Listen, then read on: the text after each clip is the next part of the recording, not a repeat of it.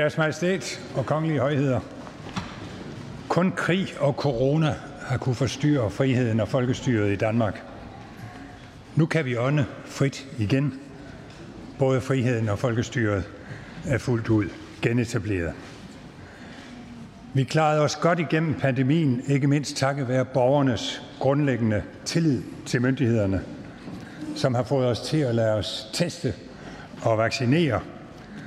Og den tillidskultur, den er enestående og dybt rodfæstet i den danske forenings- og oplysningskultur. For folkestyre er ikke det samme som politikerstyre. Det skal vi altid huske. Folkestyre er især at oplyste borgere i gensidig tillid kan ordne egne anlægner og se sig selv som en del af noget større. Det var præcis det Grundtvig ville med sin højskoletanke, og det var samme Grundtvig, der for 170 år siden i 1851 bad tinget erindre, og jeg citerer, at folkets øjne hviler på os, og han bad om, at de folkevalgte for at, og jeg citerer, for at bære dette ansvar, måtte få Guds kraft, visdom og velsignelse. Måske var det det, der skete med det store forlig om landbrug og klima i går.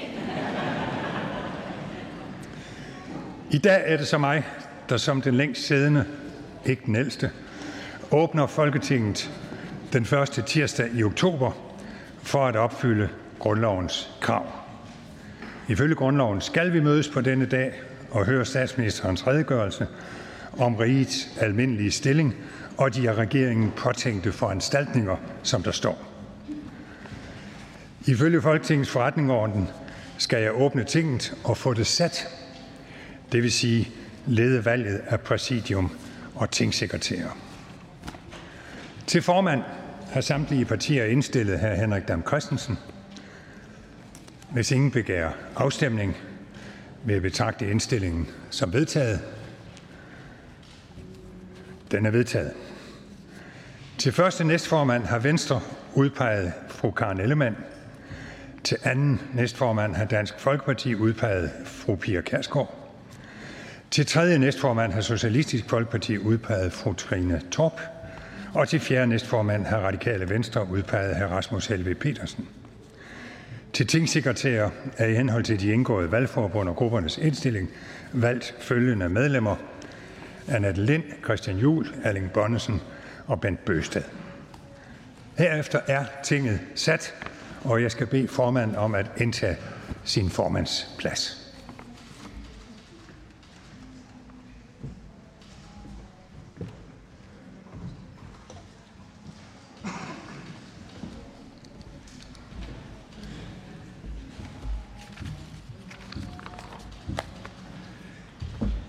Jeg vil gerne takke kollegaen for valget til formand for Folketinget. Jeg synes, det er en ære at få lejlighed til at, til at varetage dette erhverv i endnu en samling, og jeg skal gøre mit yderste for at leve op til den tillid, der her er vist mig. Min holdepunkt vil være at sørge for, at lovgivningsarbejdet foregår efter grundloven og forretningsordens bestemmelser, og i min mødeledelse vil jeg lægge vægt på at give alle en både korrekt, men også fair behandling. Og vi kan i dag åbne Folketinget i lige så festlige rammer, som før pandemien ramte Danmark. Det synes jeg faktisk gør dagen ekstra glædelig. Andre kan nu igen genlyde af stemmer fra besøgsgrupper, der er på rundvisning i Folketinget, og sådan skal det jo være i et åbent parlament. Det er en af de ting, jeg synes, vi virkelig har manglet. Også på kulturnatten kan vi igen stå døren op for de mange, som kommer for at opleve politikere og Christiansborg på allernærmeste hold. Det er dejligt, at vi igen kan mødes ansigt til ansigt med vores gæster, efter vi alt for meget har set hinanden igennem en computerskærm. Det er mig en glæde at byde velkommen til vores gæster i dag. Hjertelig velkommen til hendes majestæt dronningen, til hans kongelige højhed kronprinsen, til hendes kongelige højhed kronprinsessen, til hendes kongelige højhed prinsesse Benedikte, Ligeledes hjertelig velkommen til repræsentanter for Højesteret og Københavns overborgmester. Sidst, men ikke mindst, velkommen til repræsentanterne for selvstyremyndighederne i Grønland og for hjemmestyremyndighederne på Færøerne. Og herefter skal jeg så give ord til statsministeren, for at hun i den i grundloven omhandlede redegørelse for rigets almindelige stilling og de af regeringen påtænkte foranstaltninger. Værsgo, statsminister.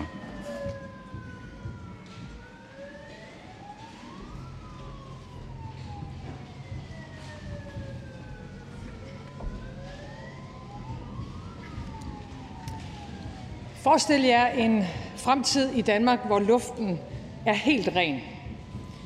Følelsen af at trække vejret dybt og trygt. Byer med grønne arealer, haver på tagene, slyngplanter op af facaderne. Elbiler, der er til at betale, og hvor familien kan køre på ferie uden bøvl med at lade den op. Forestil jer også, at turen i elbilen går igennem et landskab med mere natur, dyreliv og planteliv. Sortspætter, vilde orkideer og forglem mig ej. Højmoser og heder. Det kribler og krabler, det blomstrer og gror. Og hjemme i familierne rundt om middagsbordet, der spiser vi mere grønt, mere lokalt og efter årstiderne. Og dansk landbrug er blevet verdens mest bæredygtige med de nyeste teknologier, mere plantebaseret produktion og mere økologi. De varer, vi henter fra resten af verden, bliver transporteret på skibe, der ikke længere sejler på olie, men på grønne brændstoffer. Og vores danske industri får energi fra danske energiøer og biogas fra landbruget. Og endnu flere end i dag arbejder med at producere grønne løsninger til hele verden. Lyder det lidt vildt? Måske lidt. Men vi er i gang. Og her vil jeg bringe et citat. Klimapolitik må ikke blive til frygtens politik. Hvem sagde det? Det gjorde fru Maj Villesen på regeringskonference i Fredericia om fremtidens Danmark. Og det er jo rigtigt. Vi skal ikke lade frygten lede os, men håbet. Vores fremtid skal være grøn og luften ren. Og vel kommer det til at koste kræfter, beslutninger, investeringer, nye vaner og mod. Men alternativet, at lade klimakrisen løbe løbsk, det er ikke en mulighed. Menneskeskabte klimaforandringer påvirker allerede i dag hele verden. Oversvømmelser, tørke, tropiske storme. Og det er ikke en mulighed bare at fortsætte. Vi er i færd med at ødelægge vores egen klode. Og vi mennesker bliver nødt til at se os selv som en del af naturen. Dyrene, planterne, luften og vandet er ikke noget uden for os selv. De er en del af vores egen eksistens. Klimakrisen er så voldsom, at selv når vi udfaser olie og gasproduktion, bygger verdens første energiøer, genanvender mere affald, omstiller vejtransporten, gør landbruget mere bæredygtigt, indfører en, en ensartet CO2-afgift, forsker for milliarder, udbreder de nye teknologier og sætter et ambitiøst mål for at nedbringe landbrugets udledninger, forpligter os til, at dansk landbrug skal være et grønt udstillingsvindue for resten af verden. Tak til alle ni partier for den meget brede og visionære aftale. Selv når vi gør alt det her i Danmark, så er det ikke nok. Danmark har et af verdens mest ambitiøse klimamål. Og på næsten to år har vi nået næsten halvdelen af vejen. Men med FN's seneste rapport står det brutalt klart. Vi skal gøre endnu mere. Konkret handling allerede i år, til næste år, året efter. Vi vil forene høje grønne ambitioner med gode arbejdspladser og med et fortsat hensyn til dem i vores samfund, der har mindst. Det er den danske strategi. En ambitiøs grøn omstilling, båret af en bred folkelig forankring. Hvor vi også træffer de beslutninger, der er behov for ude i verden. Danmark er et grønt forgangsland, og vi skal påvirke de lande, der udleder allermest. Det er vores mulighed, og det er vores forpligtelse. Vi står over for et vigtigt efterår i international klimapolitik, og derfor fører vi aktivt klimadiplomati. Nu gælder det om kort tid COP26 i Glasgow i Storbritannien. Vi har behov for, at det globale klimaambitionsniveau kommer op. Danmark har allerede sagt stop for olie- og gasudvinding i 2050. De andre lande skal nu også gøre sig fri af både kul, olie og gas. Jeg er stolt over det, Danmark og danske virksomheder gør internationalt. Konkrete tekniske løsninger, stærke grønne partnerskaber. Det gælder Sydkorea, et af verdens hurtigt voksende økonomier. Og tænk, da Indien, et land med mere end 1,3 milliarder indbyggere, besluttede sig for at sætte skub i den grønne omstilling, hvilket land af alle lande i hele verden valgte Indien så at indgå et grønt strategisk partnerskab med? De valgte Danmark. Om få dage rejser jeg til Indien for at mødes med premierminister Modi. Danmark har løsningerne, og Indien har skalaen. Det er vigtigt for klimaet, for dansk erhvervsliv, for vores økonomi og i et større perspektiv for den geopolitiske balance. Vi har på kort tid styrket vores forhold til verdens største demokrati. Danmark har en lang og stolt tradition for at tage ansvar i verden. Det er vi fortsat fuldt dedikeret til. Først og fremmest i EU. Vi skal nu have hele Europa ud af krisen ved at investere i grøn omstilling, digitalisering, nye arbejdspladser. Mere end halvdelen af midlerne i EU's genopretningsfond er målrettet det grønne og det digitale. Det peger fremad, og det giver et godt fundament for at bygge et både bedre og stærkere Europa end det, vi kom fra. Danmark er et lille land med mange muligheder og et stort ansvar. Klimaforandringerne er ikke mindst tydelige i Arktis. Nye farer, nye muligheder, også sikkerhedspolitisk. Ruslands adfærd i Arktis er blevet mere markant, og vi skal holde øje med Kinas interesser i området. Derfor er jeg glad for, at vi nu ser et større og stærkere engagement fra USA, Europas vigtigste allierede. Danmark arbejder tæt sammen med Grønland og Færøerne ud fra en fælles målsætning om lavspænding. Samtidig ja, så skal vi beskytte os selv.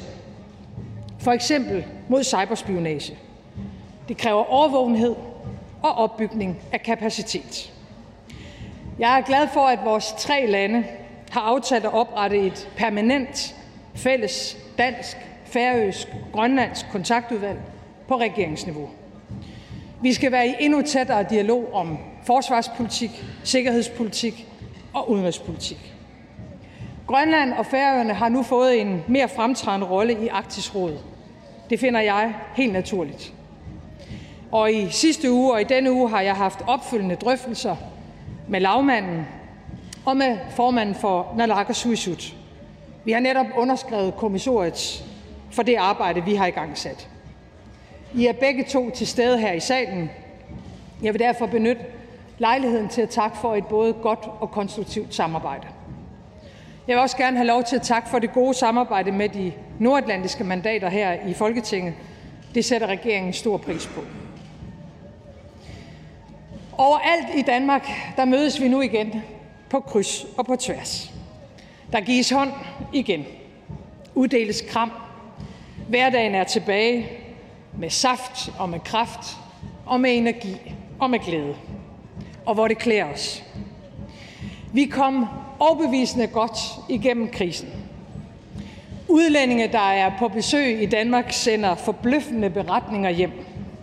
Ingen mundbind, ingen restriktioner, derimod fester, store koncerter og store konferencer.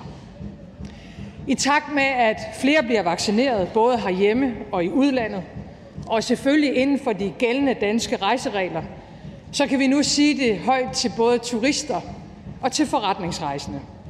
Kom til Danmark, hvis I vil opleve hverdagen igen. Danmark er klar til fremtiden. Tænk, arbejdsløsheden er nu lavere i Danmark, end den var før krisen. Beskæftigelsen slår alle rekorder. Væksten forventes at blive den højeste i 15 år. Ikke i 5 år, ikke i 10 år, men i 15 år. Og jeg er glad for, at regeringen og et flertal her i Folketinget stod fast. For mens der undervejs var diskussioner og uenighed, så er det nu hævet over enhver tvivl. Det var ansvarligt at låne. Det var ansvarligt at investere os igennem krisen. Det var rigtigt at føre en ekspansiv og aktiv krisepolitik. Jeg vil gerne sige til erhvervslivet og til fagbevægelsen, I har bekræftet, at I er en stærk og ansvarlig del af det danske samfund. Danmark bygger på solide og veldrevne virksomheder. Vi skal tage fat på de problemer, I lige nu har med at skaffe de medarbejdere, I har brug for. Regeringen, arbejdsmarkedets parter og KL er i fuld gang med forhandlinger om en trepartsaftale, der handler om netop det. Mangel på arbejdskraft må ikke bremse os. Derfor skal flere danskere i arbejde. Kun sådan bliver vi dygtigere, grønnere og rigere. Det siges, at man aldrig skal lade en god krise gå til spilde. Jeg indrømmer, at jeg altid har haft det noget anstrengt med den talemåde. For vi har jo set før, hvordan den politiske krisehåndtering efterlod en regning hos dem, der havde sværest ved at betale den. Større ulighed i en tid med høj arbejdsløshed, urimelige reformer. Sådan er det ikke den her gang. Vi skal stadig være opmærksom på coronaens konsekvenser. Ensomhed, tabt læring, et kulturliv, der fortsat nogle steder har det svært. Men Danmark står solidt. Og nu må vi ikke lade en potentiel højkonjunktur gå til spilde. Jeg er overbevist om, at vi mere bredt i vores samfund skal tage de helt grundlæggende samtaler om, hvor vi vil hen. Og om, hvordan vi får løst de store problemer, der alt for længe har været uløste. Det gælder ikke mindst i forhold til de alt for mange, der ikke har et arbejde, som aldrig har fået fodfæste på vores arbejdsmarked, som står uden for fællesskabet. Det har været forkert i mange årtier, og endnu mere nu, hvor vi vidderligt har brug for alle. I sidste måned præsenterede regeringen udspillet Danmark kan mere 1. En reform, der både er økonomisk ansvarlig og socialt retfærdig, og som først og fremmest skal få flere danskere i arbejde. Alt for mange, især kvinder med ikke-vestlig baggrund, går derhjemme på passiv forsørgelse. Det er forkert for dem, for deres børn og for Danmark. Derfor vil vi indføre en ny 37-timers arbejdslogik, hvor man har pligt til at arbejde, bidrage og gøre nytte, hvis man modtager en ydelse fra fællesskabet. Når vi skal løse de store strukturelle problemer i vores samfund, så er det ikke gjort med én reform. Vi er kun lige gået i gang. Danmark kan mere. Regeringen har foreslået vores idé om 10 fremskridt for de næste 10 år. Jeg er ikke i tvivl om, at det kommer til at kræve et langt sejt træk og en vedholdenhed. Og derfor fremlægger vi i de kommende år flere reformforslag. I dag vil jeg have lov til at fokusere på tre udfordringer. For det første Danmarks ansvar for den grønne omstilling, som jeg indledte min tale med. For det andet uddannelserne. Det kommer jeg til lige om lidt. Og for det tredje sammenhængen i vores land. Behovet for at bremse centraliseringen, styrke nærheden og gøre de store byer bedre at leve i. For nylig der havde jeg selv lejlighed til at besøge en god dansk virksomhed, Politech i Bramming. De producerer beskyttelse til vindmøllevinger. Det gør Politech så godt, og hold nu fast, at næsten 6 ud af 10 af verdens vindmøller fra Shanghai til Kalifornien bærer det danske produkt. Der er fremgang, der bliver ansat nye folk, hvis ellers de er til at få, og det kan knibe. Det førte den dag i Bramming til en god snak om, hvorfor unge går i gymnasiet, og for få vælger erhvervsskolen. Direktøren, Mads Kirkegaard, han er selv håndværker, og han tager ud på skoler og fortæller, hvor vigtigt det er at vælge en faglig uddannelse. Men i virkeligheden skal vi have fat i forældrene, sagde han. For det er dem, der måske en gang imellem ligger under for, at det er finere at gå i gymnasiet, og det smitter af på de unge. Og det leder mig over i det næste store tema, jeg vil tale om i dag, nemlig uddannelser. Danskernes vej igennem uddannelsessystemet er en kæmpe succes. Danmark er fattig på råstoffer. Vi lever af at være dygtige. Men spørgsmålet er, om vi uddanner for lidt til fremtiden og for meget til fortiden. For når vi skal navigere i en fremtid med robotter, kunstig intelligens, digital revolution, globalt udsyn, grøn omstilling og samtidig har behov for mere nærvær og mere fællesskab, hvilke krav stiller det så til vores uddannelser? Den debat vil jeg og vi gerne invitere til. Vi har behov for dygtige forskere, grønne teknologier, medicin, vacciner, viden om vores historie, samfund og vores, og vores kultur. Viden er grundlæggende fremskridt. Og det er et stort skridt frem, at tusindvis af unge i dag læser på et dansk universitet. En gang var det lukket land for de fleste, i dag en åben vej for de mange. Men det betyder jo også, at uddannelser, der før var for de få, der typisk skulle undervise eller forske, så skal mange flere højtuddannede i dag arbejde ude i de private virksomheder. Hvordan uddanner vi til et samfund om 10 år og om 20 år? Mange af de små og mellemstore virksomheder er ikke vant til at ansætte akademikere. Jo, måske nok ingeniører, men ikke så mange andre. Og mange akademikere er ikke vant til at arbejde der. Det stiller krav til alle, og tror jeg, nytænkning. Det gælder også i forhold til folkeskolen. Næsten hver sjette elev forlader skolen uden at kunne læse og skrive og regne. Det er hvert år tusindvis af søde, kloge, dejlige børn og unge, hvert år, som ikke får det fundament, som de har behov for. Jeg fik følgende historie fortalt af en lettet far til en dreng i en af folkeskolens ældste klasser. Efter en dybt bekymrende melding om, hvordan det gik i skolen, der fik faren arrangeret, at sønnen kom ud på en virksomhed en dag om ugen. Den dreng, som var mere end svær at få i skole, sprang nu glad på bussen klokken 6 om morgenen for at komme på arbejde. Arbejdstøj og fællesskab gav ham en ny identitet. Den nye energi begyndte at smitte af på lektierne. Nu kan han se, hvad de skulle bruges til. Og historien bliver faktisk endnu bedre, for det ender med, at virksomheden tilbød drengen en læreplads. Er det så en ren solstrålehistorie? Farens pointe til mig var faktisk en anden. Nemlig, at det aldrig må bero på forældre eller elevansvar, men først og fremmest skal være samfundets ansvar. For hvad med alle de skoletrætte drenge og piger, som ikke har en far med de rette kontakter? Jeg er enig. Jeg tror, vi har behov for en større vekselvirkning mellem uddannelse og arbejde hele vejen igennem vores uddannelsessystem. For den skoletrætte 14-årige dreng i 8. klasse, der kan lære meget mere, hvis han får lov til at skifte skolen ud med en rigtig arbejdsplads, skal vi sige en dag eller to om ugen. Og bredere end det. Hvad er om vi for eksempel tænker elektrikere og ingeniørfaget meget tættere sammen?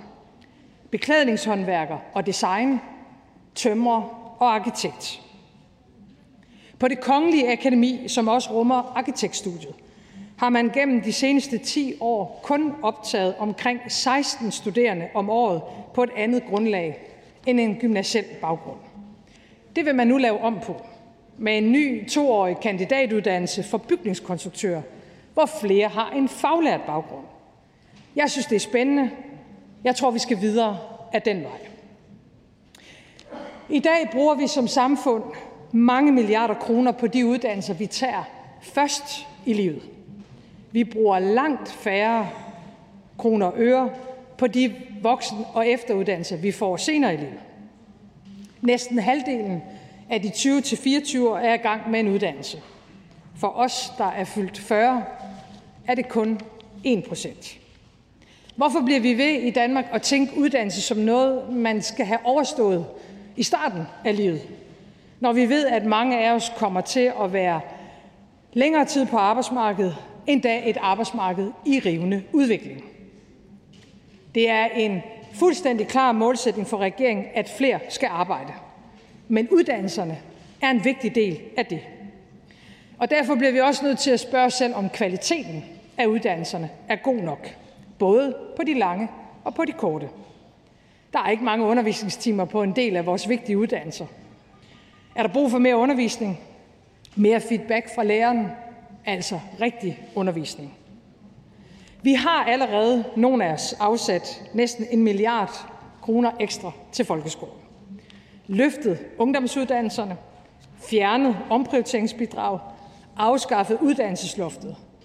Og oven i det foreslår vi nu at investere 2,5 milliarder kroner ekstra om året. Det er den største ekstra investering i uddannelser, så længe jeg kan huske. Vi skal bruge pengene klogt. Og den her gang foreslår vi at inddrage elever, studerende, undervisere, fagbevægelser og erhvervsliv direkte. Og naturligvis de partier i Folketinget, som tager ansvar for finansieringen. I skal være med til at prioritere, og dermed også være med til at vælge fra. Så investeringerne den her gang løser de langsigtede og strukturelle udfordringer. Vi tog hold på den her nødvendige dialog øh, med et møde på Marienborg forleden dag. Tak til jer, der var med og bidrog. Mille Borgen Mikkelsen, formand for Danske Skoleelever, rammede dagen ind på en rigtig, rigtig fin måde. Kort og præcist. Alle elever skal have lov til at være en succes. Jeg oplever mange steder i Danmark et nyt mod. En stærk vilje til at skabe udvikling og rigtig meget optimisme. Jeg er ikke et sekund i tvivl om, at Danmark kan mere. Men det kræver en større åbenhed, og vi skal evne at se nogle af de gamle problemstillinger i et nyt lys. Det gælder regeringen, det gælder Folketinget. Jeg synes, tiden er til at spørge os selv, hvordan vi har kunne være enige i erkendelsen af store problemer i mange år, ja årtier, uden at få dem løst. Gang på gang synes jeg, vi oplever en uheldig spiral af enkeltsager og forhastet lovgivning, som stjæler opmærksomheden fra det, vi er her for, og løse rigtige problemer for rigtige mennesker. Kan jeg vide, om nogen af jer kan genkende billedet? Regeringen vil for det første fremlægge et lovprogram for det nye folketingsår, som er mindre omfattende end normalt. Vores håb er mindre forhastet lovgivning, hellere færre og til gengæld bedre gennemarbejdede lovforslag, og ikke mindst mere tid til, at alle I derude, der skal få lov, lovforslagene til at virke for borgere og for virksomheder, ikke væltes omkuld af lovmøllen. For det andet foreslår vi at prioritere gennemførelsen af lovgivning på en langt mere synlig måde. I kender det alle sammen. En god aftaletekst her i huset indeholder afsnit om lovgivningsproces og om økonomi. Der bør i fremtiden også være et afsnit om, hvordan vi virkelighedsgør det, hvordan vi får det implementeret, sikre, at det kommer til at virke. Og for det tredje, så har den demokratiske samtale i Danmark brug for nye vitaminer. Fragmenteret, overfladisk, nok også for hård. Vi kender det alle sammen, især på de sociale medier. Vi har brug for som land og som folk at skabe rum for mere refleksion og for eftertanke. Og derfor også en øget opmærksomhed på de dele af samfundet, der kan bære den eftertænksomhed sammen med os. De steder i vores samfund, der giver os muligheden for at leve os ind i andre menneskers liv, og dermed er nerven i at forstå både os selv og verden bedre. Kunsten og kulturen. Vi har brug for dansk kunst og kultur til at udfordre os. Skabe rammen om vores fælles erindring. Forbinde vores historie, vores nutid og vores fælles fremtid. Vi bringer os mening og forståelse undren og nysgerrighed og dannelse. For det er vel det, vi hver især og til sammen skal stræbe efter. At blive åndeligt stærkere forstå bedre, vide mere og dermed blive mere robuste som medborgere. Her har vi brug for litteraturen, musikken, billedkunsten, dramaet og filmen. Og rammerne for den nødvendige demokratiske samtale, den skal sættes af os selv, ikke af multinationale firmaer. Derfor har vi behov for en fælles europæisk regulering af tech og vi har behov for national public service med både kvalitet og alsidighed. I en verden og i en tid med splittelse og polarisering, der skal vi i Danmark insistere og vælge det modsatte. Vores fællesskab. Danmark skal hænge sammen med gode muligheder, både på landet og i byerne. Det er det tredje store tema i min tale i dag. København er en fantastisk hovedstad. Det er en smuk by, hvor tårne og spir rejser sig over de gamle huse. Brokvartererne, hvor byfornyelsen har givet plads til grønne gårde og de senere års udvikling langs havnen, nye cykelbroer, nye bydele på Holmene. Og først og fremmest er hovedstaden sin befolkning. De mennesker, der bor her. Københavnerne. Københavnerne, som springer i vandet året rundt, og som cykler gaderne tynde i både solskin og slud. Danmarks hovedstad er en by, hvor folk rent faktisk både lever og bor. Endnu. Det er godt, og når man ser rundt i verden, er det ingenlunde en selvfølgelighed. Men der er alligevel et problem. Et stort problem. Mange har ikke længere råd til at bo i vores allesammens hovedstad. Hvad koster en treværelses lejlighed i dag på Nørrebro? Ofte mere end 4 millioner. Måske mere end 5. Hvem har egentlig råd til det? Hvad med skolelæreren, pædagogen, politibetjenten, socioassistenten, hende, der arbejder i butik, frisøren, tømmeren eller den nyuddannede akademiker? Hvis de er førstegangskøbere, så er det svært. Virkelig svært. Prøv at høre, hvad en dedikeret københavner har skrevet om byen, som den var engang. Naturligvis var der forskel på at bo i Sydhavnen og på Frederiksberg Allé. Men i meget store dele af 70'ernes København boede mennesker af alle typer og fra alle sociale grupper ind imellem hinanden i frugtbar forvirring. I samme opgang boede akademikere, kontorister og mærkeligt gennemsigtige eksistenser, som først begyndte at røre på sig om natten, og ingen rigtig vidste, hvad levede af. Det er digteren Søren Ulrik Thomsen, som længes tilbage til sin ungdomsblandede kvarter. Jeg kan godt følge det, endda som nordjyde. Da jeg voksede op i Aalborg i 80'erne, der levede vi også sammen på kryds og på tværs. Jeg legede med, jeg gik i skolen med og delte kvarter med børn fra mange forskellige familier. Må ikke mange af jer kan huske det og genkende billedet. At bo dør om dør, opgang ved opgang, giver en forståelse for andre menneskers vilkår. Men i dag, der lever vi meget mere adskilt. Nogle kalder det globalisering, urbanisering, og det får sådan en klang af noget, vi ikke kan gøre noget ved. En naturkraft, som er umulig at stoppe. Jeg ser det faktisk som en af mine vigtigste opgaver som statsminister at gå op imod den tænkning. Hvad enten det er stigende ulighed, et arbejdsmarked, som desværre bliver mindre organiseret, eller at centralisering bare er noget, vi skal acceptere. Vi vil snart fremlægge et nyt boligudspil. Et ambitiøst boligudspil. Helt grundlæggende skal familier med almindelige indkomster selvfølgelig have mulighed for at bo i byen. Der bliver allerede bygget meget i de her år. Også flere almene boliger. Men vi har brug for endnu flere. Boliger, som er til at betale. Derfor vil regeringen gøre det muligt at opføre mere end 20.000 flere almene boliger over de næste 10-15 år. De fleste vil blive bygget i de større byer.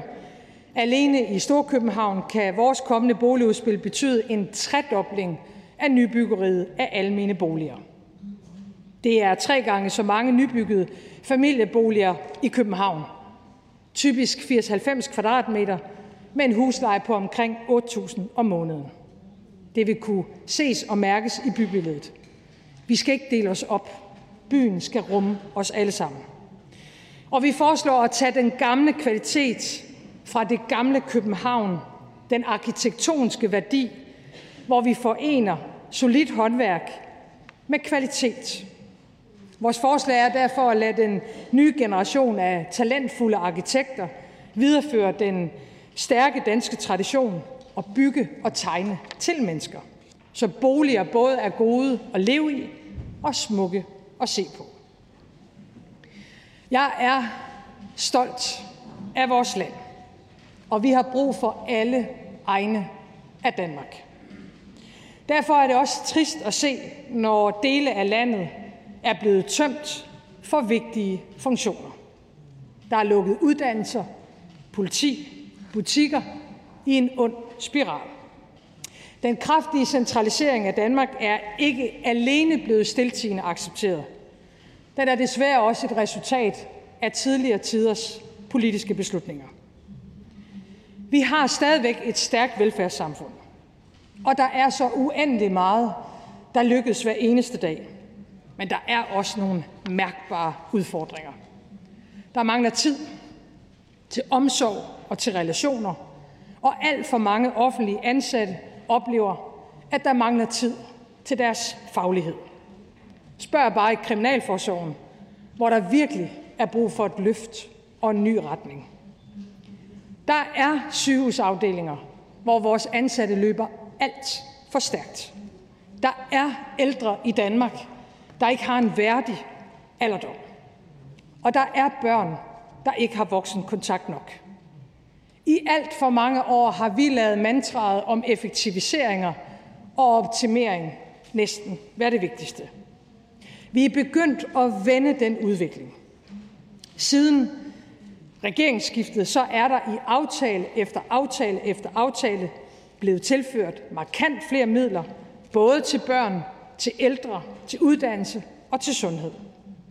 Men det er jo tydeligvis ikke nok.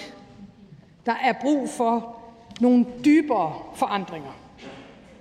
Vi vil derfor foreslå en velfærdslov, der skal sikre, at pengene følger med, når der heldigvis både kommer flere ældre og flere børn.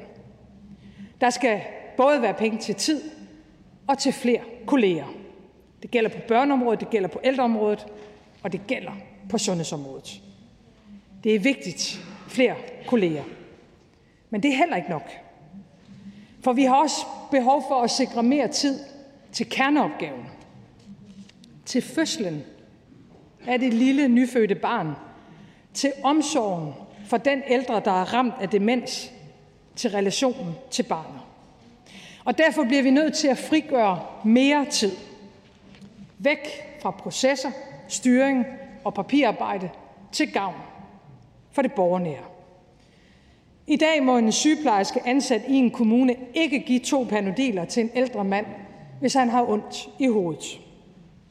Det er, undskyld mig, mangel på sund fornuft. Det er tid, der bliver brugt på det forkerte. Det er styring i stedet for ledelse. Og vi har brug for et nært sundhedsvæsen, hvor der ikke er patienter, der tabes imellem sygehus og kommuner, hvor vi har tillid til medarbejdernes faglighed, sørger for flere ressourcer til flere kolleger, så der er kolleger nok til de opgaver, der faktisk skal løses.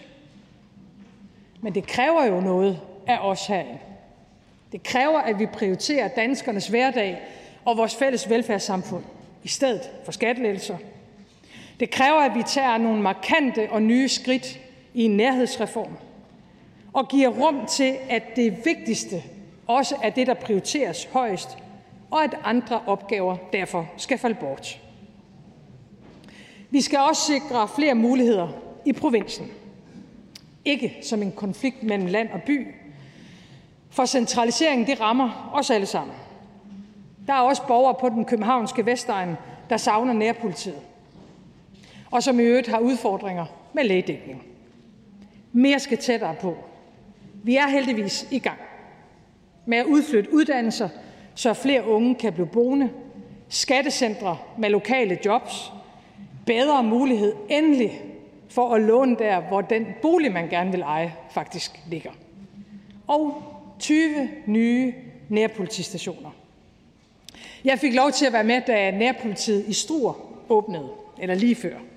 Og de nye lokale betjente gik rundt i gaderne og forhørt sig. Hvad døjer I med? Det giver rigtig god mening. Og som indehaveren af Limfjordens Isu sagde, det giver jo en vis tryghed. Nemlig, det er godt for butikkerne med nærpolitiet, det er trygt for vores ældre, og det er forebyggende for de unge, der risikerer at komme ud i kriminalitet. Det skal selvsagt, godt og, det skal selvsagt være godt at være ung i alle dele af Danmark, storbyen, provinsen og på landet. Og derfor er det også regeringens forslag, at vi skal have flere ungdomsuddannelser tættere på, hvor de unge faktisk vokser op. Det næste, vi tager fat på, det er sundhedsområdet. I de kommende år der står supersygehusene klar over hele landet med højt specialiseret kræftbehandling, hjerteoperationer. Det er sund fornuft. Det kommer til at redde liv. Det var en rigtig beslutning. Men samtidig så kan vi se, at det nære sundhedsvæsen er blevet forsømt. Og det er ganske alvorligt i en situation, hvor vi bliver flere med kroniske sygdomme, flere med psykiske lidelser og flere ældre. I dag er der mange ældre, der har mange og lange ture til sygehuset. Måske for at få taget en blodprøve den ene dag, til samtale en anden dag og til røntgenkontrol en tredje dag. Det er vigtigt alt sammen, men det er også besværligt. Ja, nogle gange faktisk helt uoverskueligt. Som noget nyt foreslår vi derfor at oprette nærhospitaler, hvor kommuner, regioner og almen praktiserende læger kan arbejde tættere sammen om den enkelte patient. Det bliver trygt. Vi vil også tage fat på det problem, at for mange danskere ikke har adgang til deres egen praktiserende læge. Og så skal der naturligvis være adgang til hurtig akut hjælp i alle dele af Danmark. Samtidig vil jeg gerne understrege, så har epidemikontrollen fortsat myndighedernes fulde opmærksomhed. For hvis corona løber fra os, så kan meget andet hurtigt træde i baggrunden igen. Danmark er langt i vaccinationsindsatsen, takket være danskernes opbakning. Vi skal have endnu flere med, for det er vaccinerne, der er vores supervåben. Også her skal vi tage et internationalt ansvar. Vi har fordoblet Danmarks donation af vacciner til den tredje verden. I alt 6 millioner giver vi nu i stedet for 3. Vi er først sikre, når alle er sikre. Jeg indledte min tale i dag med Danmarks ansvar for den internationale klimakrise. Jeg vil slutte min tale på et andet og vigtigt område, hvor Danmark også skal tage et stort ansvar. Et område, som situationen i Afghanistan har gjort ulykkeligt aktuelt. Piger og kvinders rettigheder. Og udviklingen er dybt bekymrende. Jeg frygter, at de afghanske piger og kvinder langsomt, men sikkert får udskiftet det frie liv på universitetet og på fodboldbanen med burkagens mørke fængsel.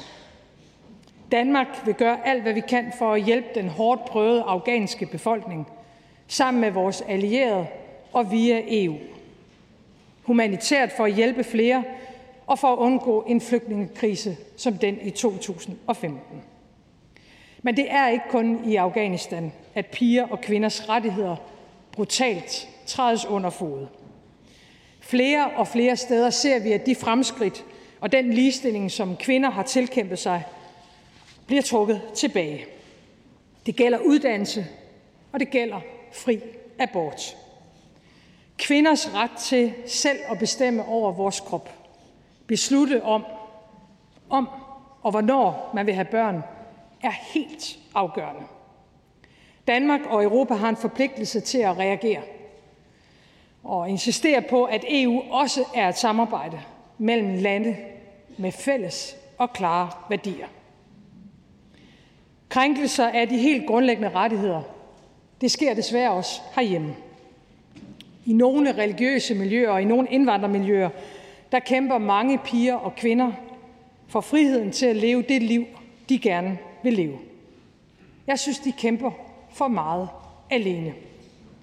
Vi skal som samfund træde karakter, stå fast på, at vores fælles værdier, ligestilling, frihed, det skal gælde for alle i Danmark.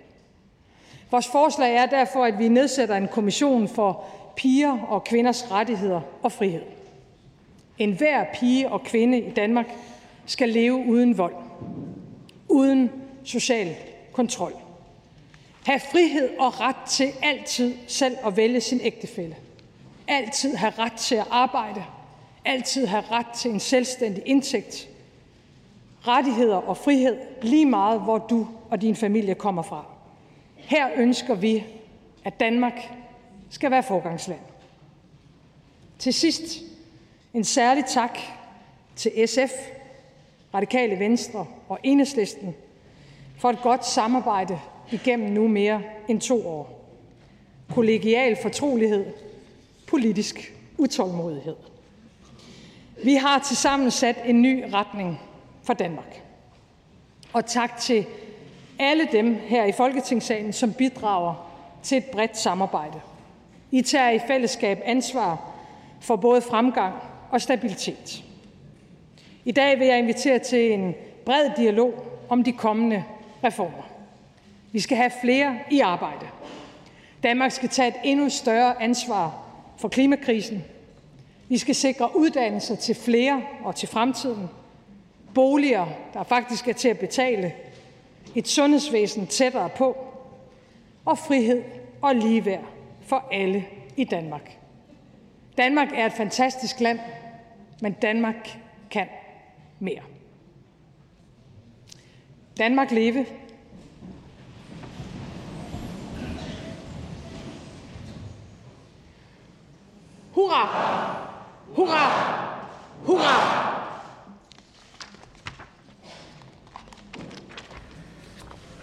Til statsministeren. Redegørelsen vil som bekendt komme til debat torsdag den 7. oktober. I dag er der følgende anmeldelser.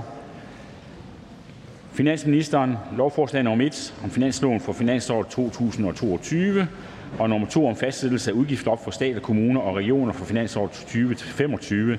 Titlen på de almindelige sager vil fremgå af Folketingstidende. Der er ikke mere at foretage i dette møde. Folketingets næste møde afholdes i morgen, onsdag den 6. oktober kl. 13, og jeg henviser den dagsorden, der fremgår af Folketingets hjemmeside. Mødet er hævet.